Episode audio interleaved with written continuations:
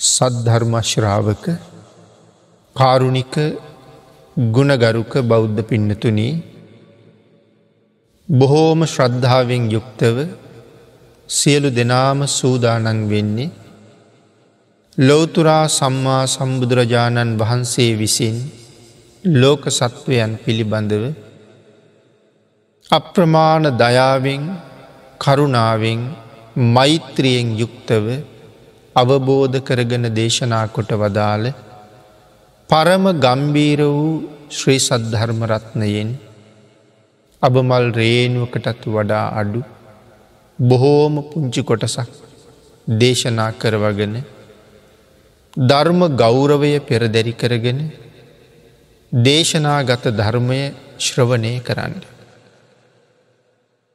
අපේ බුදුරජාණන් වහන්සේ විශේෂයෙන් දේශනා කොට වදාලා ධර්මය ශ්‍රවණය කරන සැදහැවත් ශ්‍රාවක පිරිස විසින් මහත් වූ බලාපොරොත්තුවක් පෙරදැරි කරගෙනම ධර්මශ්‍රවණය කරන එක වටිනව කියලා. ඒ බලාපොරොත්තුව තමයි මේ ධර්ම දේශනාව ශ්‍රවණය කරන අතරතුරදීම මාගේ පංච නීවරණ ධර්මයන් යටපත් වේවා. සප්ත බෝධ්‍යාංග ආදී ධර්මයන් වැඩි දියුණු වේවා මේ දේශනාව අතරතුරදීම මට උතුම් මාර්ගයක් පලයක් අවබෝධ වේවා කෙන සිතින් යුක්තවම ධර්මශ්‍රවණය කරන්න කියලා. ඒ ප්‍රාර්ථනාව මුදුන්පත් කර ගැනීම වෙනුවෙන් අපි ධර්මශ්‍රවණය කරමු. පින්නතුනි අද මේ උතුම් ධර්මදේශනාවේ මාතෘකාව හැටියට මම යොදාගන්න කල්පනා කළේ අංගුත්තර නිකායේ චතුක්ක නිපාතයේ සඳහන් වෙන අචින්තෙය කියන සූත්‍ර දේශනාව. යම් කරුණක් ගැන හිතලා ඉවරයක් කරන්න බැරිද. එවන් කරුණු හතරක් පිළිබඳව පැහැදිලි කරපු සූත්‍ර දේශනාව. විශේෂයෙන් බුදුරජාණන් වහන්සේගේ නිමක් නැති බුද්ධ ගුණය යම් තරමකට සාකච්ඡා කෙරෙන මේ සූත්‍ර දේශනාවෙන් බුදුගුණවල අනන්ත බව කොපමණද කියන කාරණාවට අපිට කරුණු බොහෝම ස්වල්පයක් තේරුම් ගණ්ඩ අවස්ථාව තියෙන. ඒ පදනම් කරගෙන බුදුගුණ භාවනාව වඩන්න භාවනාව වඩන්ඩ කැමති කෙනෙක් ඉන්නවනන් ඒ පිරිසට ඉතාම උසස් ප්‍රයෝජනයක් ලබන්න පුළුවන්. මොකද මේ භාවනාව වඩනකොට බුදුගුණ අනන්තයි බුදුගුණ අනන්තයි කියල කියන්න අපි පුරුදු වෙලා ඉන්නවා. නමුත් බුදුගුණ අනන්තයි කියල කියන්නේ වචන මාත්‍රයකට විතරයි අපි. එහෙම සඳහන් කලා කියලා බුද්ධ ගුණය අපේ හිතේ වැඩෙන බවක් නෑ. එහෙමනම් බුදුගුණ අනන්තයි කියල කියහම බුදුගුණ අනන්ත වෙන්නේ කොහොමද අනන්ත උනේ කොහොමද කියන කාරණාව තේරුම් ගණ්ඩ පුළුහංකම තිබුණොත් ඒ ඔස්සේ සිත මෙහෙයවන්ඩ පුළුහන්නන් තමයි ඒ නිමක් නැති ගුණය තුළ අපේ හිත වැඩෙන්ඩ පටන්ගන්න. එමන එවන් කාරණාව සම්පූර්ණ කරන ශ්‍රද්ධාවන්තයන්ටත් මේ සූත්‍රයේ බොහෝම උපකාරයි. අනිත් සියලු දෙනාටමත් තමන්ගේ සැදහැ සිත භාගිතුන් වහස කෙරෙහි පුබුදවා ගණ්ඩ මේ සූත්‍රයේ බොහෝම උපකාරයි. අපි ඒ සූත්‍රයෙන් කරුණු ටික සාකච්ඡා කරමු මුළු සූත්‍රයම අපිට එක දේශනාවකින් නිමා කරන්න බැරිවෙයි. ඒ නිසා දේශනා කීපයක් සාකච්ඡා කරන්න බලාපොරොත්තු වෙනවා. එහි පළවෙනිම දේශනාව තමයි මේ පින්නතුන් විසින් සිදු කරවන්ඩ මේ දායකත්වය ලබල දෙන්නේ. අපේ බුදුරජාණන් වහන්සේ මේ දේශනාව ආරම්භ කරන්න යෙදුනා චත්තාරිමානි භික්කවේ අචින්තෙයානයානයා චින්තේ තබ්බාති. මහනෙන නොසිතිය යුතු අචින්ත්‍ය ධර්ම හතරක් මේ ලෝකෙ තියෙනවා. යානි චින්තේන්තු උම්මාදස්ස විඝාතස්ස භාගියස්ස. යම් කාරණාවක් හිතද්දි. හිත උමතු බවට පත්වෙනවද සිහි විකල් බවට පත්වෙනවද හිතට මහත් වූ වෙහෙසක් දැනෙනවද. අං එවැනි කරුණු හතරක් ලෝකෙ තියෙන. මේ මුල් පැහැදිලි කරපු කාරණාවම තමයි මේ නැවත පැහැදිලි කරන්න. යම් කරුණක් ගැන හිතනකොට හිත උමතු භාවයට පත්වෙනවද. ඒවගේම සිහිය විකල් වෙනවද හිතට මහත් වූ වෙහෙසක් දැනෙනවද.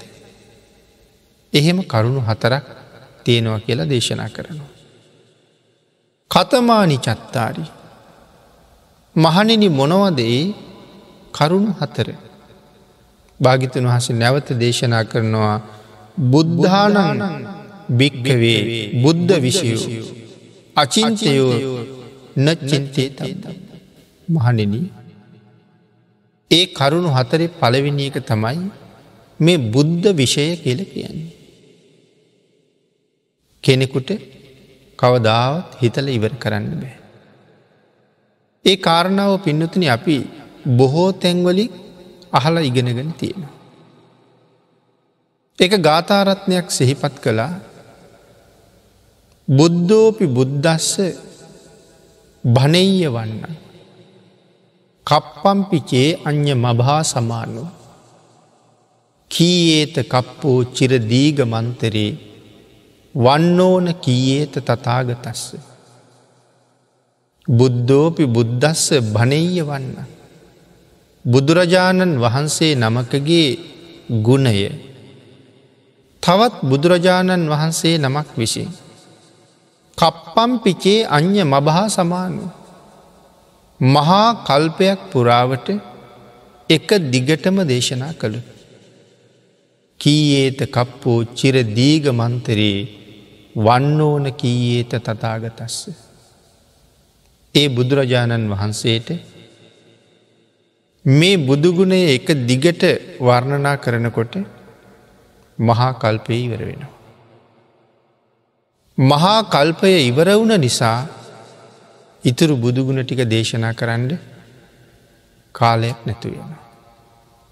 මහා කල්පයේ ඉවර වෙන තුරු දේශනා කළත් ලොවතුරා බුදු කෙනෙකුට තමන් වහන්සේගේ ශ්‍රී මුකයෙන් අනික් බුදුරජාණන් වහන්සේගේ ගුණය වර්ණනා කරලා ඉවර කරන්න හැකියාවක් නැතු වෙනවා.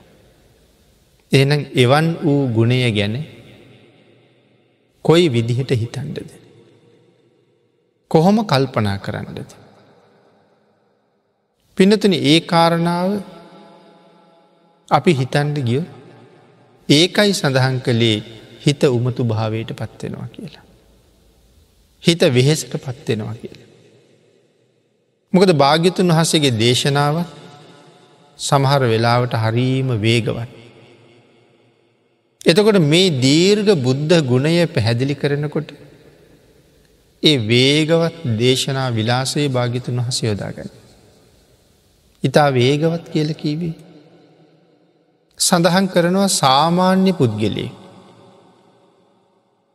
එක අකුරක් කියනකොට නැත්තන් එක වචනයක් කියනකොට අග්‍ර උපස්ථායක ආනන්දයන් වහන්සේ අකුරු අටක් කියනවා කියලා. අපි අයන්න කියනකොට ආනන්දයන් වහන්සේ අයන්න අට පාරක් කියන. ආනන්දයන් වහන්සේ එක පාරක් අයන්න කියනකොට සැරියුත් මහරහතන් වහන්සේ ඒ අකුර අට පාරක් කියන. සැරියුත් මහරහතන් වහන්සේ එක පාරක් අයන්න කියනකොට බුදුරජාණන් වහන්සේ අට පාරක් අයන්න කියන. එතකොට සාමාන්‍ය පුද්ගලයෙක් එක පාරක් කියනකොට ආනන්දයන් වහසේ අට පාරක් කියනවා ආනන්දයන් වහසේ අට පාරක් කියනකොට සාරිපුත්තයන් වහසේ අට පාරක් කියන. සැරියුත් මහරහතන් වහසේ එක පාරක් කියනකොට භාගිතුන් වහසේ අට පාරක් කියනවා. එමනං ආනන්දයන් වහන්සේ එක පාරක් කියනකොට සාරිපුත්තයන් වහන්සේ අට පාරක් කියනකොට අටවරක් අට හැට හතරයි. එනම් භාග්‍යතුන් වහන්සේ සාරිපුත්තයන් වහන්සේ එක පාරක් කියනකොට අට පාරක් අයන්න කිය හම හැටහතර වරක් අට පන්සිය දොළහක් වෙනවා. එනම් අපි එක වචනයක් පිට කරනකොට පෘතජ්ජන පුද්ගලයෝ හැටියට භාගිතුන් වහන්සේගේ ශ්‍රීමකයෙන් වචන පන්සිය දොළහක් පිට වෙනවා. ඒ තරං වේකවත් වාග විලාශයකින් දේශනා කළ මහා කල්පයක් ගෙවිල යනෝ බුද්ධ ගුණය දේශනා කරලා නිවා කරන්න බැරුව යනවා. එනම් මේ අනන්තයි අසම සමයි අසීමාන්තිකයි ප්‍රමාණ කළ නොහැකි කියන කාරණාවවත් පින්නතින අපිට තේරුම් ගණ්ඩ බැරුව යනවා. ඒකයි මේ සඳහන් කරලා තියෙන. බුද්ධ විෂය සිතිය යුතු නෑ කියල මෙතන සඳහන් කරනවා. ඒම සඳහන් කළේ ඒ බුද්ධ විෂය අපි දැනගණ්ඩ එපා කියන එකද. බුදුගුණ භාවනාව වඩන්ඩ එපා කියන එකද. ඒක නෙමෙයි සඳහන් කරන්න. අපිට හිතල ඉවර කරන්න බෑ කියන කාරණාවයි මේ කියලා තියෙන්නේ. ඉළඟට පිනතින සඳහන් කළා ජායිස්ස භික්කවේ ධ්‍යාන විෂයෝ. අපට හිතල ඉවර කරන්න බැරි දෙවනි කාරණාව. ධ්‍යාන තියෙන පුද්ගලයාගේ ධ්‍යාන විෂය. මේ ධ්‍යානය තුළ හැසිරෙන කෙනා ඒ ධ්‍යානය තුළින් කටයුතු කරන්නේ කොහොමද. ඒ කරන කාරණ අපිට පුදුම සහගතයි. ඒක උනේ කොහොමද කියන එක කොහොමත් තේරෙන්නේ.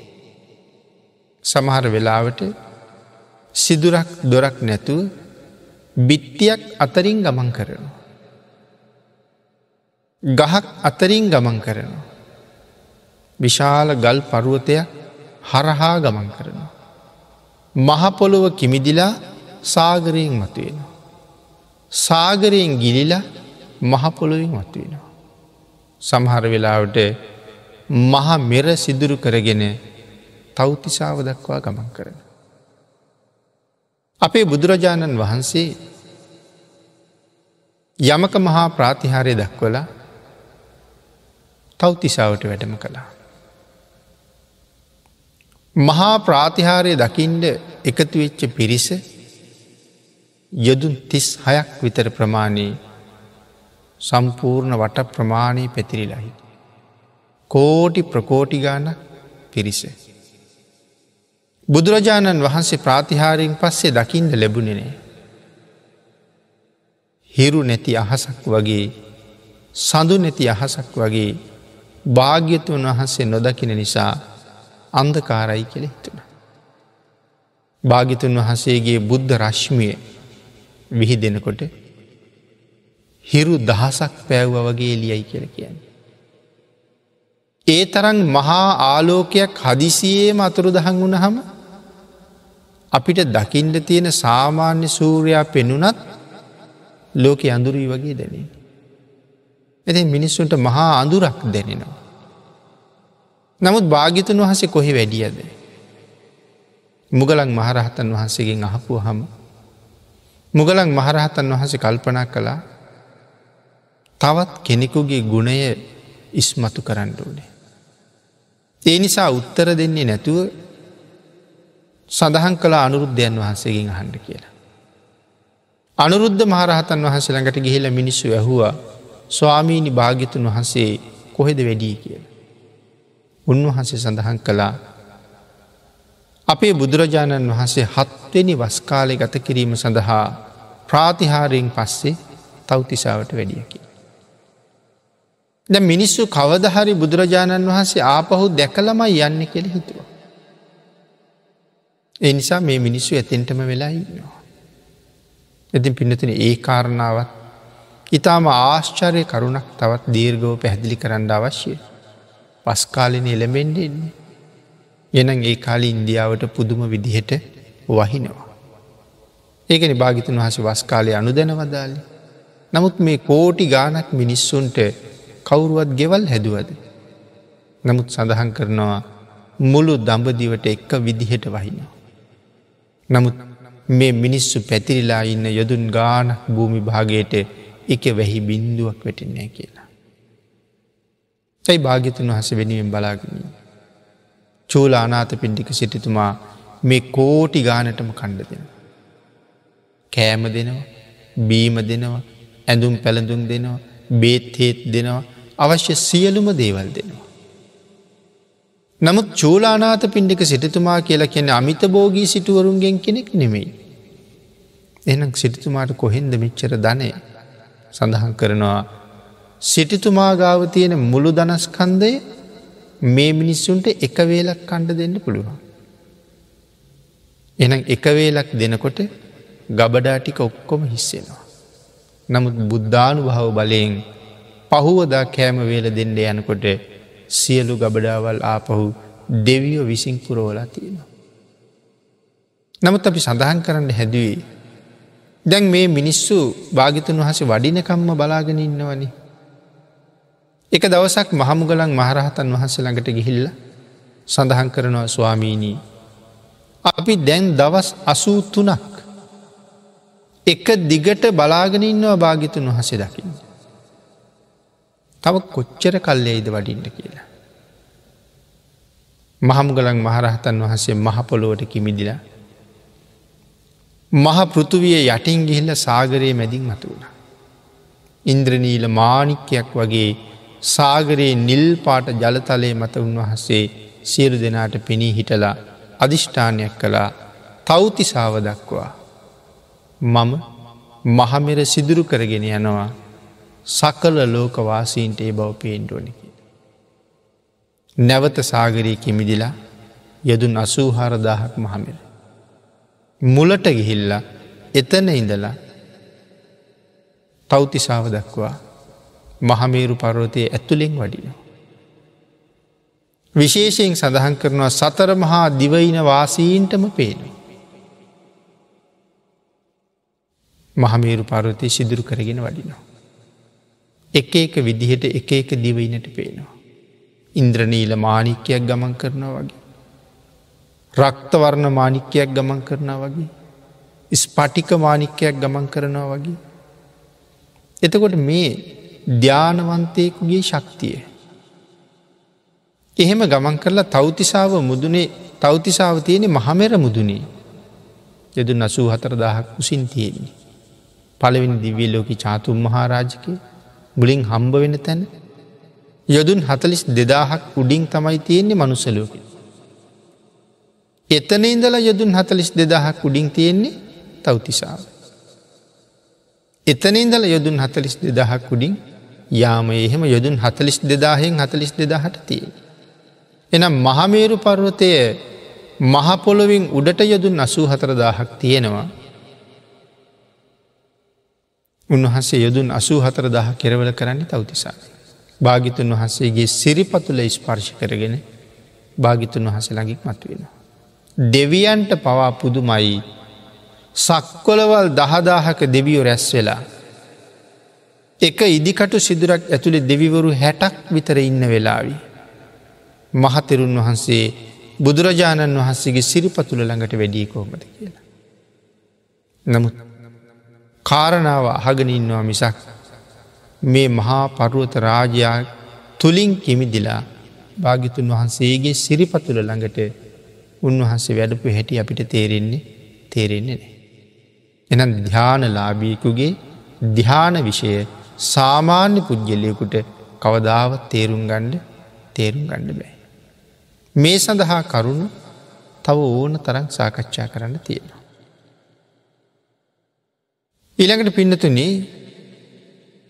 කම්මස්ස විපාකු නැත කම්ම විපාකෝ භික්කවේ අචින්තයෝ නච්චින්තේ තබ්බු. මේ කර්මයාගේ විපාකය කොහොමද කියන කාරණාවත් අපිට කවදාවත් තේරෙන්නේ නෑ. කුසල කර්ම වේවා අකුසල කර්ම වේවා. විපාක දෙන හැටි තේරෙත් නෑ. එනිසා යම් කර්මයක් සරුව සම්පූර්ණයෙන්ම වැටහෙනවන. ඒ වැටහෙන්නේ ලොවතුරා බුදුරජාණන් වහන්සට විතරයි. අපි කරුම කරනවා නමුත් විපාක දෙන හැටි තේරෙන්නේ. මේ සත්වයා මේ කළ කුසල කර්මය කොයි තරන් කාලෙකට හුට විපාක දෙනවද. යම් සත්වයෙක් සිදු කළ මේ අකුසල කර්මය කොතරම් කාලයකට ඔහුට විපාක දෙනවද. මේ දෙකම හරියටම දන්නේ බුදුරජාණන් වහන්සේ. සැරියුත් මහරහතන් වහන්සේටවත් වැටහෙන්නේ නෑ. හේතු අග්‍ර ශ්‍රාවකයන් වහන්සේ පාරමිතා පුරන්නේ මහාකල් පාසංකේයකුත් ලක්ෂය එකයි. එහෙනම් ආපහු බැලූ උන්වහන්සේට ආපහු බලන්න පුළුවන් වෙන්නෙත් තමන් වහන්සේගේ පාරමිතා කාලය විතරයි. අසූ මහා ශ්‍රාවකයන් වහන්සේ නමක් පාරමිතා පිරිවේ මහාකල්ප ලක්ෂයයි. ආපහු බැලුවොත් බලන්ඩ පුළුවන් වෙන්නේ තමන් වහන්සේ පාරමිතා පුරපු කාලය කාලය විතරයි. නමුත් ලොවතුරා බුදුරජාණන් වහන්සේ කොයි තරන් කාලයක් ආපහු බලනවාද. ඒ කාරණාව මේ ලෝකෙ වෙන කාටවත් තේරෙන්නේ නෑ. කොයි තරං අතීතයේ බැලුවත් මහාකල්ප අසංක්‍ය අප්‍රමාණ තරං අතීතයට බැලුවත් ඒ කාරණාව මේ දැන් තමන් වහන්සේගේ දෑස ඉදිරිපිට සිදුවන දෙයක් වගේ සියලුම කාරණා පැහැදිලි කරන්න බුදුරජාණන් වහන්සේට පුළුවන්. පිනතින සමහර කුසල කර්ම තියෙනවා. මහා කල්ප ගණන් විපාක දෙනවා. බුද්ධාන්තර ගණන් විපාක දෙනවා. නමුත් එහෙම විපාක දෙන අකුසල කර්ම ගැන සඳහන් කරලා නෑ. ඒකත් මේ ලෝකෙ පුදුමයක්. මනුස්ස ලෝකෙ ජීවත්වෙන කෙනෙක් කරන බලවත්ම අකුසල කර්මය අනන්තරී කර්මය. කොච්චර කාලයක් විපාක දෙනවා කියල සඳහන් කලා. අන්තර්කල්ප එකයි.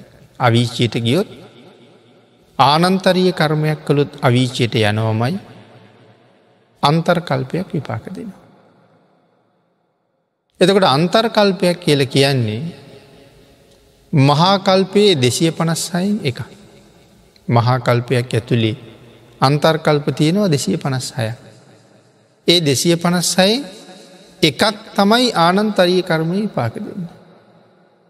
නමුත් පින්නතුන බුදුරජාණන් වහන්සේ නමකගේ සුගන්ධ කුටිය. සුවඳ දුමින් සුවඳවත් කරපු එක සැදැහැවතික්. මහාකල්ප තිස්දාහ සුගතියේ ඉපදිච්ච බවධර්මය සඳහන් කර. අපේ බුදුරජාණන් වහන්සේට සමන් මල් පූජා කළ සුමන මාලාකාරය. අනාගතයේ අති දීර්ඝ කාලයක් මහාකල්ප ලක්ෂයකට තරං ආසන්න කාලය. සුගතියම උපත්තිය ලබනවා. අවසාන පසේ බුද්ධත්වයක් ලබනවා. එතකොට ආනන්තරීය කර්මයයි සමන් මල් මිටි අටක පූජාවයි. කුසල කර්මය මොනතරං මහත් වෙනවද අකුසල කර්මයට වඩා. අන්න ඒ නිසාම තමයි අපිට කෙනෙකුට පින් අනුමෝදන් කරන්න පුළුවන්.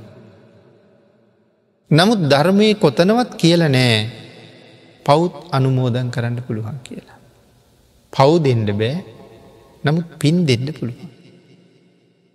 එහෙනම් පව ඒ තරම්ම ඒ තරම්ම ශක්තිමත් නෑ. පින ඉතාම බලව. නමුත් කෙනෙක් හරියට පින්කමක් කරහන. ඒක කොයි තරං කාලයක් ඒ පුද්ගලයාට සැප විපාක පිණිස පවතිනවද කියන එක හරියටම දන්නේ බුදුරජාණන් වහස විතරයි. ඒක කියන්න වෙන කිසි කෙනෙක් ලෝකනෑ. අකුසල කර්මයක් ඒමම තමයි. අකුසල කර්මය විපාක දෙන්නේ අන්තර්කල්පයයි නං මහාම අකුසලය ඒක රහතන් වහන්සේලාටත් කියන්න පුළුව. නමුත් කුසල කර්මය ඊට වඩා ඉතාම බලවත්. ඒ නිසා මේ කර්ම විෂය හරියට දන්නවන ඒත් භාගිතන් වහන්සේමයි. ඊළඟට පිනතින ලෝක විෂයත් අචින්තයයි. ලෝකහි පිළිබඳ. ලෝක විෂය අචින්තයයි කියල කියහම කොහොමද ලෝක විෂය අචින්තය වෙන්නේ කියන කාරණාව මේ කරුණුටිගේ පැහැදිලි කිරීමයි මෙතියෙන්නේ. ඊට වඩා ගැඹුරට තව ඉදිරියට සාකච්ඡා කරන්න පුළුව. මෙතන සඳහන් කළා ජීවිත කාලින් බුදුරජාණන් වහන්සේගේ ගුණය අල්ප මාත්‍රයක්වත් අපට දැනගණ්ඩ පුළුවන්කමක් ලැබෙන්නේ නෑ. බුදුරජාණන් වහන්සේගේ විශේෂේෂත්‍රය සීමාවක් සීමාවක් නෑ ඒ විශේෂේෂත්‍රයේ සීමාවක් නෑ. අං ඒ නිසාම අපි බුදුරජාණන් වහන්සේට සබ්බඥු කියල කියනවා. සබ්බඥුණු ඒවගේම අපි නිතර අහන වචනය සරුවඥ කියල කියනවා. ඒ භාගිතන් වහසගේ විශේෂේස්ත්‍රයේ සීමාවක් නිමාවක් නෑ. ලෝක විෂය කොච්චරද භාගිතුන් වහසේගේ දැනුමත් එච්චරයි. භාගිතුන් වහසේගේ අවබෝධය කොපමණද විශ්වය එපමණයි. ඒ කාරණාව සිහිපත් කළා තාවතකං චිත්තං යාවතකං යෙයිය. කියන කාරණාව මේක මනාව පැහැදිලි වෙනවා. පිනතින් සඳහන් කරනවා තවත් විදිහකට. මේ කෝටි ලක්ෂයක් සක්වල බුදුරජාණන් වහන්සේ නමකගේ ආග්ඥා ශේෂත්‍රය. බුදු කෙනෙකුගේ ආග්ඥාව පවතිනව කෝටි ලක්ෂයක් සක්වලි. තව විදිහකට කිව්වොත් බුදුරජාණන් වහන්සේ යම් වචනයක් දේශනා කරහම්. මේ කෝටි ලක්ෂයක් සක්වලක සත්‍යයෝ භාග්‍යතුන් වහන්සේගේ වචනයට කීකරුවෙන්ටුවන. ඒ විශේෂ අධිෂ්ඨානයක් නැතුව දේශනා කර. එතකොට කෝටි ලක්ෂයක් සක්වල කියල කියහම් එක සක්වලක තියෙනවා ලෝක තිස් එකක්. බ්‍රහ්මලෝක තියෙනවා විස්සක් රූප සහ අරූප වශී. දිවියලෝක තියෙනවා හයක්. අපායවල් තියෙනවා සතරපාය හැටියට හතර. එතකොට තිහයි. මනුස්සලෝක තියෙනවා එක. එතකොට තිස් එකයි. මේ ලෝක තල තිස් එකට කියනවා එක සක්වලක් කියලා. මේ එක සක්වලකට එක ඉරක් පායනෝ එක හඳක් පායන. එතකොට භාගිතුන් වහන්සේගේ ආග්ඥා ශේෂත්‍රය ඇතුළේ සක්කොලවල් කෝටි ලක්ෂයක් නං. ඒ ආග්ඥා ශේෂත්‍රය ඇතුළේ මනුස්සලෝක කෝටි ලක්ෂයක් තියෙනවා. දිවියලෝක එකක් කෝටි ලක්ෂේ බැගින් කෝටි ලක්ෂේ වූවා හයක් තියෙනවා. බ්‍රහ්ම ලෝක කෝටි ලක්ෂ විස්සක් තියෙනවා. ඉරවල් කෝටි ලක්ෂයක් පායනවා හඳවල් කෝටි ලක්ෂයක් පායි. අපි සමහර වෙලාවට හිතනවා බුදුරජාණන් වහන්සේගේ ශ්‍රාවකයෝ මේ ලෝකෙ විතරක් ඉන්නවා කියලා. ඒ මනුස්සලෝක කෝටි ලක්ෂයක් මේ ආග්ඥාශේෂත්‍රය ඇතුළේ තියෙනවනං භාගිතුන් වහසගේ ශ්‍රාවකයේ හැම තැනමඉන්න. අපි විතරක් නෙවෙයි භාගිතුන් වහසගේ ශ්‍රාවක. ඒ තරන් මහා ශ්‍රාවක පිරිසක් ඉන්න ශාස්තෘන් වහන්සේ නමක් ඉන්නවන ඒ ලෝතුරා බුදුරජාණන් වහන්සේම තමයි. නමුත් ඒ ආග්ඥා ශේෂත්‍රයෙන් එතනින් එහාටත් ආග්ඥාව පතුරුවන්ඩ පුළුවන් නමුත් සාමාන්‍ය ආග්ඥා ශේෂත්‍රයේ කෝටි ලක්ෂයක් සක්වල. නමුත් පිඩතින ආග්ඥා ශේෂත්‍රයේ කෝටි ලක්ෂයයි. නමුත් භාගිතුන් වහසේගේ අවබෝධය ඥානශේෂත්‍රය මේ කෝටි ලක්ෂයෙන් එහාට ඕන තරම් පැතිරෙනවා. ඒ කාරණාව පැහැදිලි කරනවා මේ මුළු කෝටි ලක්ෂයක් සක්වලම යටින් අවීචයඉඳලා උඩින් බවාග්‍රේ දක්වා. සම්පූර්ණයෙන්ම අබවලින් පුරෝණු. මේ උදාහරණයවත් අපිට තේරෙන්නේ. කෝටි ලක්ෂයක් සක්වලම අබවලින් පුරෝනවා යටින් අවීචයඉඳලා උඩින් බවාග්‍රේ දක්. කතා කරලා තියෙන්නේ පොලෝ තලය මත ඉඳල කියලා නෙමෙයි යටින් අවීචී හිඳල කියලා. කෝටි ලක්ෂයක් සක්වලින් එලියට කෙනෙක් ගිහිල්ලා මේ කෝටි ලක්ෂයක් සක්වලේ තියෙන අබ අරගෙන නැගෙන හිර පැත්තට යනවා එතකොට එයට හම්බෙන තව තව සක්වලවල්. ඒ හම්බෙන සක්වලකට එක අබෑටයක් දානවා. නැගෙන හිර පැත්තටම හම්බෙන හැම සක්වලකටම අබෑටේ අබෑටේ අබෑටේ ගානි දාගෙන යන. මේ කෝටි ලක්ෂයක් සක්වලේ පුරෝවලා තියෙන අබ ඇටයක්කොත් නැතුව ඉවර වෙනවා. නමුත් නැගෙන හිර පැත්තට යනකොට හම්බෙන සක්වලවල්වල ඉවරයක් නෑ. එන පිනතින විශ්වය මොන තරන් අනන්තද. කෝටි ලක්ෂයක් සක්වලක පුරුවපු අබ නැගෙන හිර පැත්තට තියෙන සක්කොලවල් වලටම එකා බෑටේ ගානි දාලා ඉවර වෙලා තියෙන. එතකොට හාත් පස කොහොම වෙයිදිතාව. බටහිරට කොහොමද උතුරට කොහොමද. සීමාවක් නෑ. නමුත් මේ සීමාවක් නැති සක්වලවල් වල. යම් කාරණාවක් බුදුරජාණන් වහන්සේකින් ඇහුව. අහල ඉවර වෙනකොට ඒ සම්බන්ධ උත්තරෙත් භාගිතුන් වහස ලබල දෙනවා. ද නැගෙන හිට පැත්තට තියෙන සක්කොළවල් ඉවර වුණේ නෑන්. තව කොච්චර දාණ්ඩවෙයිද නැගෙන හිට ඉවර වෙන්න. ඒ කොච්චරක් දුරගමන් කළ. කවදාහරි කෙරවලක් හම්බ වෙයිද බුදුරජාණන් වහන්සේගේ ඥාන ශේෂත්‍රයේ පමණයි කියලකින්. ඉතින් කවද කොහෙන් ඉවරවෙයිද දන්නේ. භාගිතුන් වහසගේ ඥාන ශේත්‍රයේ පමණයි. විශ්වය යම් තරමක්ද භාගිතුන් වහසගේ ඥානය එපමණයි භාගිතුන් වහන්සේගේ ඥානය යම් පමණක්ද මේ විශ්වයේ පමණයි කළ සඳහන් කරන්න. ආග්ඥා ශේස්ත්‍රයේ කෝටි ලක්ෂයයි ඥාන ශේස්ත්‍රයේ සීමාවක් නෑ. දෙනක් මේ ලෝක විෂය පිළිබඳව තියෙන දැනුම. කොපමණද කියන කාරණාව සීමාවක් නැති බව සඳහන් කරන්නයි මේ උදාහරණ කීපය මේ විදිහට ගෙන හැර දැක්වී. එනම් භාගිතුන් වහසේගේ සරුවඥතා ඥානය නිමක් නැති මායිමක් නැති මහාඥාන ශක්තිය.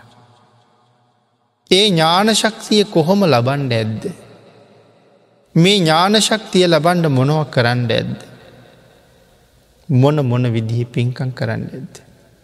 පිනතින එක තැනක සඳහන් කරනවා. සාරිපුත්තයන් වහන්සේගේ ප්‍රඥාව ගැන.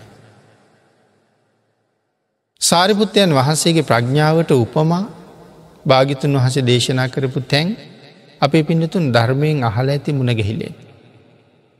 අපි හැමෝම දන්න කාරණාවක් සාරිපුත්තයන් වහන්සේට මහා කල්පයක් පුරාවට වහින වැස්සක වැහිබින්දු ගාන කොච්චරද කියලා කියන්න පුළුවන් කියලා. ඒක කියන්න පුළුවන්කම තිබුණේ සාරිපුත්තයන් වහන්සේ වෙන්ට කලින් උපතිස්ස කියන තරුණයාටත් ඒක කියන්න පුළුවන්. උපතිස්සටත් පුළුවන්. ඉපදෙනකොට අරගෙනාපු ප්‍රඥාව. පිනතින භාගිතුන් වහන්සේ එක ප්‍රශ්නයක් අහපු වෙලාවේ. ඒ අහන්නේ සර්වඥන් වහන්සේලාට විශෂය වෙන ප්‍රශ්නයක්. ඒකට උත්තර දෙන්න බෑ අග්‍රශාවකයන් වහන්සේට මොකදර ලොවතුරා බුදුවරුන්ට පිළිතුරු දෙන්න පුළුවන් ප්‍රශ්නයක්. ප්‍රශ්න මාලාවක් ඇහුව භාගිතන් වහන්සේ. එතනි දෙහනවා සාමාන්‍ය පෘතජ්ජන මිනිස්සුන්ට උත්තර දෙන්න පුළුවන් ප්‍රශ්නයක් අහනවා. මේ ප්‍රශ්න ටික අහන්නෙම සාරිපුත්තයන් වහන්සේගේ ප්‍රඥාව පෙන්න්න. සංකස්ස පුරේට තවතිසා විඳල වැඩ වෙලා. ඉතින් පෘතජ්ජන මිනිස්සුන්ට විෂය වෙන ප්‍රශ්නය ආපුහම පෘතජ්ජන මිනිස්සු උත්තර දුන්නා. ඊළඟට සෝවාන් වහන්සේලාට විෂය වෙන ප්‍රශ්නයක් ඇහුවා. පෘතජ්ජන මිනිස්සුන්ට ඒකට උත්තර දෙන්න බෑ ඒ මිනිස්සු නිශ්ශබ්ද වුණා සෝවාන් වහන්සේලා උත්තර දුන්න. ඊළඟට සකදාගාමීන් වහන්සේලාට විෂය වෙන ප්‍රශ්නයක් අහපු හම සෝවාන් වහන්සේල නිශ්ශබ්දව. උන්වහන්සලට උත්තර දෙන්න බෑ. ඊළඟට අනාගාමින් වහන්සේලාට විෂය වෙන ප්‍රශ්නයක් අහපු හම සකදාගාමීන් වහන්සේලාට උත්තර දෙන්න බෑ. මහරහතන් වහන්සේලාට විෂය වෙන ප්‍රශ්නයක් අහපු හම අනාගාමින් වහන්සේලට උත්තර දෙන්න බෑ. ත්‍රවිද්‍යා ප්‍රාප්ත මහරහතන් වහන්සේලාට විෂය වෙන ප්‍රශ්නයක් අහපු හම සාමාන්‍ය රහතන් වහන්සේලට උත්තර දෙන්න බෑ. අෂ්ට විද්‍යා ප්‍රාප්ත මහරහතන් වහන්සේලාට. විෂය වෙන ප්‍රශ්නයක් අහපු හම අනික් රහතන් වහන්සේලට උත්තර දෙන්න බෑ. අග්‍රශ්‍රාවකයන් වහන්සේලාට විශේ වෙන ප්‍රශ්නයක් අහපු හම මේ අනි අභිග්ඥා ප්‍රාප්ත මහරහතන් වහන්සේලාටවත් උත්තර දෙන්න බෑ නමුත් සාරිපුත්ත මොග්ගල්ලයනන් වහන්සේල දෙනම උත්තර දෙනවා. ඊළඟට පින්නතුනේ භාගිතුන් වහසේ නැවත ප්‍රශ්නයක් අහනවා. ඒ ප්‍රශ්නය සැරියුත් මහරහතන් වහන්සේටයි විශේවෙන්. ඒ ප්‍රශ්නය අහපු හම මුගලන් මහරහතන් වහන්සේ නිශ්ශබ්ද වෙන. නමුත් සාරිපුත්තයන් වහන්සේ ඉතා සිවුම් පිහියකින් බොහොම කුඩා දණ්ඩ ඇතැන් උපමාව තියෙන්නේ. උපමාව හැටියට අපි සරල වරගත්තුත්තුව ඉතාම සිවුම් පිහියකින් කෙහෙල් පිත්තක් කපනවා වගේ ප්‍රශ්නය හල ඉවරට උත්තරේ දීල ඉවරයි. ඊළඟට භාගිතුන් වහසේ සර්වඥයන් වහන්සේලාට විශය වෙන ප්‍රශ්නයක් ආපු හම සාරිපුත්තයන් වහන්සේට උත්තර දී ගණ්ඩ බෑ. නමුත් තමන් වහන්සේගේ දහම් දැනුම තමන් වහන්සේගේ ඥාන ශාගරයට බැහැලා තමන්ගේ දැනුමෙන් මේ ප්‍රශ්නයට උත්තර හොයන්ඩ උන්වහසේ හැම්ම පැත්තටම හිතනවා. තමන්ගේ දැනුම් සාගරයේ කලබරුණවාගේ මේකට උත්තරයක් කොහෙන්ද ගේන්නේ කියලා. නමුත් ඒක විෂය වෙන්නේ නෑ. ඒවෙලාවි සඳහන් කරනවා ස්වාමීණී මහා කල්පයක් පුරාවට වහින වැස්සක මහමුහුදට වැහිබින්දු කොච්චරක් වැටුනද. කඳු සිකර මුදුනට වැහිබින්දු කොච්චරක් වැටුනද. තැනිතලා මහ පොලෝට වැහිබින්දු කොච්චරක් වැටුනද. මේ මහා කල්පයක් පුරා වැටුන වැස්සක වැහිබින්දු ගාන කියන්න පුළුවන් කියලා කීවට වෙන වෙනම කියනවා. කඳුවුඩට කොච්චර වැටුනද මහමුහුදට කොච්චර වැටුනද ගංගාවලට කොච්චර වැටුනද තැනිතලාවට කොච්චර වැටුනද කියලා වෙනම කියන්නත් පුළුව. ඒ තරන් හැකියාවක් තියෙනකොට. මට මේක විෂය වෙන්නේ කියල. නමුත් බුදුරජාණන් වහන්සේ අකුරු හතරකින් සාරිපුත්තයන් වහන්සේට පුංචි උපකාරයක් කරනවා. අකුරු හතරයි කියන්න. පොඩි ඉඟියක් දෙනවා වගේ. පිනතිරි ඒ කාරණාව ඒ අකුරු හතරෙන් සඳහන් කරපු ගමන් ඒ විශේෂ විෂය සර්වඥයන් වහන්සේලට විෂය වුණ ප්‍රශ්නය එක දිගට විසඳවා කියල කියන්නේ. ඒ තරන් මහා ප්‍රඥාව තිබුණා. ඒ ප්‍රඥාව මොනව නිසාද කියල ප්‍රශ්නයක් අහන. මේ සා ප්‍රඥාවක් ලැබුවේ සසර මොනව කරපු නිසාද. මේ කාරණාව සඳහන් කරන තැන පැහැදිලි කරන්නේ ධර්මය ලියන්ඩ. තල්කොල සහ පංහිදක් දන්දීල තියෙනවා කියලා. දහම් ධර්මය අකුරු කරන්ඩ තල්කොල ටිකක් සහ පංහිදක් දීල තියෙනවා. ඒකෙන් තමයි මේ මහා ප්‍රඥාව ලැබුයි කියලා. ඇති පිනතින එහෙමනං බණ අහනවා කියන එක. කෙනෙකුට ධර්මය අහන්ඩ සලස්වනවා කියන එක. මේ කරුණුත් එක්ක අපි කරන පින්කමේ ආනිසංසයවත් හරියට කළොත් අපිට තේරෙන්නේ නෑ. ඒ ආනිසංසය සංසාරි කොයි තරන් කාලයක් අපිව සුවපත් කරයිද කියන කාරණාව අපිට තේරෙන්න්නෙත් නෑ හරියට කළ. ඒකයි සඳහන් කළේ අපි කරන මේ පින්කමක ආනිසංසය පවා හරියටම දන්නවනං ඒ කර්මය විශය වෙන්නෙත් භාගිතුන් වහසට විතරයි. නමුත් අපිට හරියට කරන හැටි බුදුරජාණන් වහන්සේම කියල දුන්න.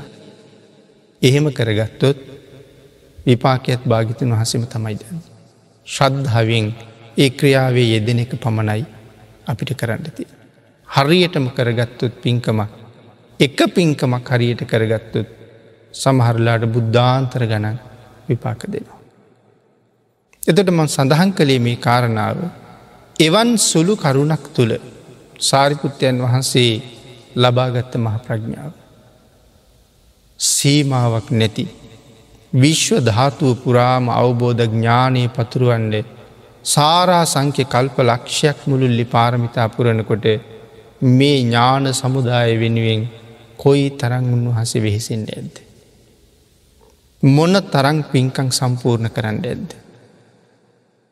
ඒ වෙනුවෙන් ආර්යන් වහන්සේලා ළඟ කොයි තරං දේවල් අවබෝධ කරගණ්ඩ ඇත්ද. ලොවතුරා බුදුරජාණන් වහන්සේලා මුණගෙහිමින් උන්වහන්සේ ළඟ කොයි ආකාරයේ පූජාවල් කරන්න ඇත්. පිනතුන ලෝක විෂය පිළිබඳව මෙතරං දැනුමක් තිබුණ කෙනෙක් ලෝකෙ හිටියනං ඒ තවත් සර්වඥයන් වහන්සේ නමක් විතර. ලෝකය විශ්වය කොපමණද භාගිතුන් වහසගේ ඥානයේ පමණයි.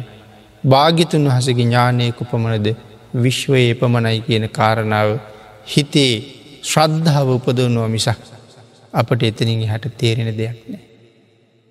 ආංගේ කයි සඳහන් කළේ මෙන්න මේ කාරණා හතර පිළිබඳව. මේ ලෝක කෙනෙක් හිතන්ඩ ගියුත් උමතු තත්ත්වයට පත්වෙනවා.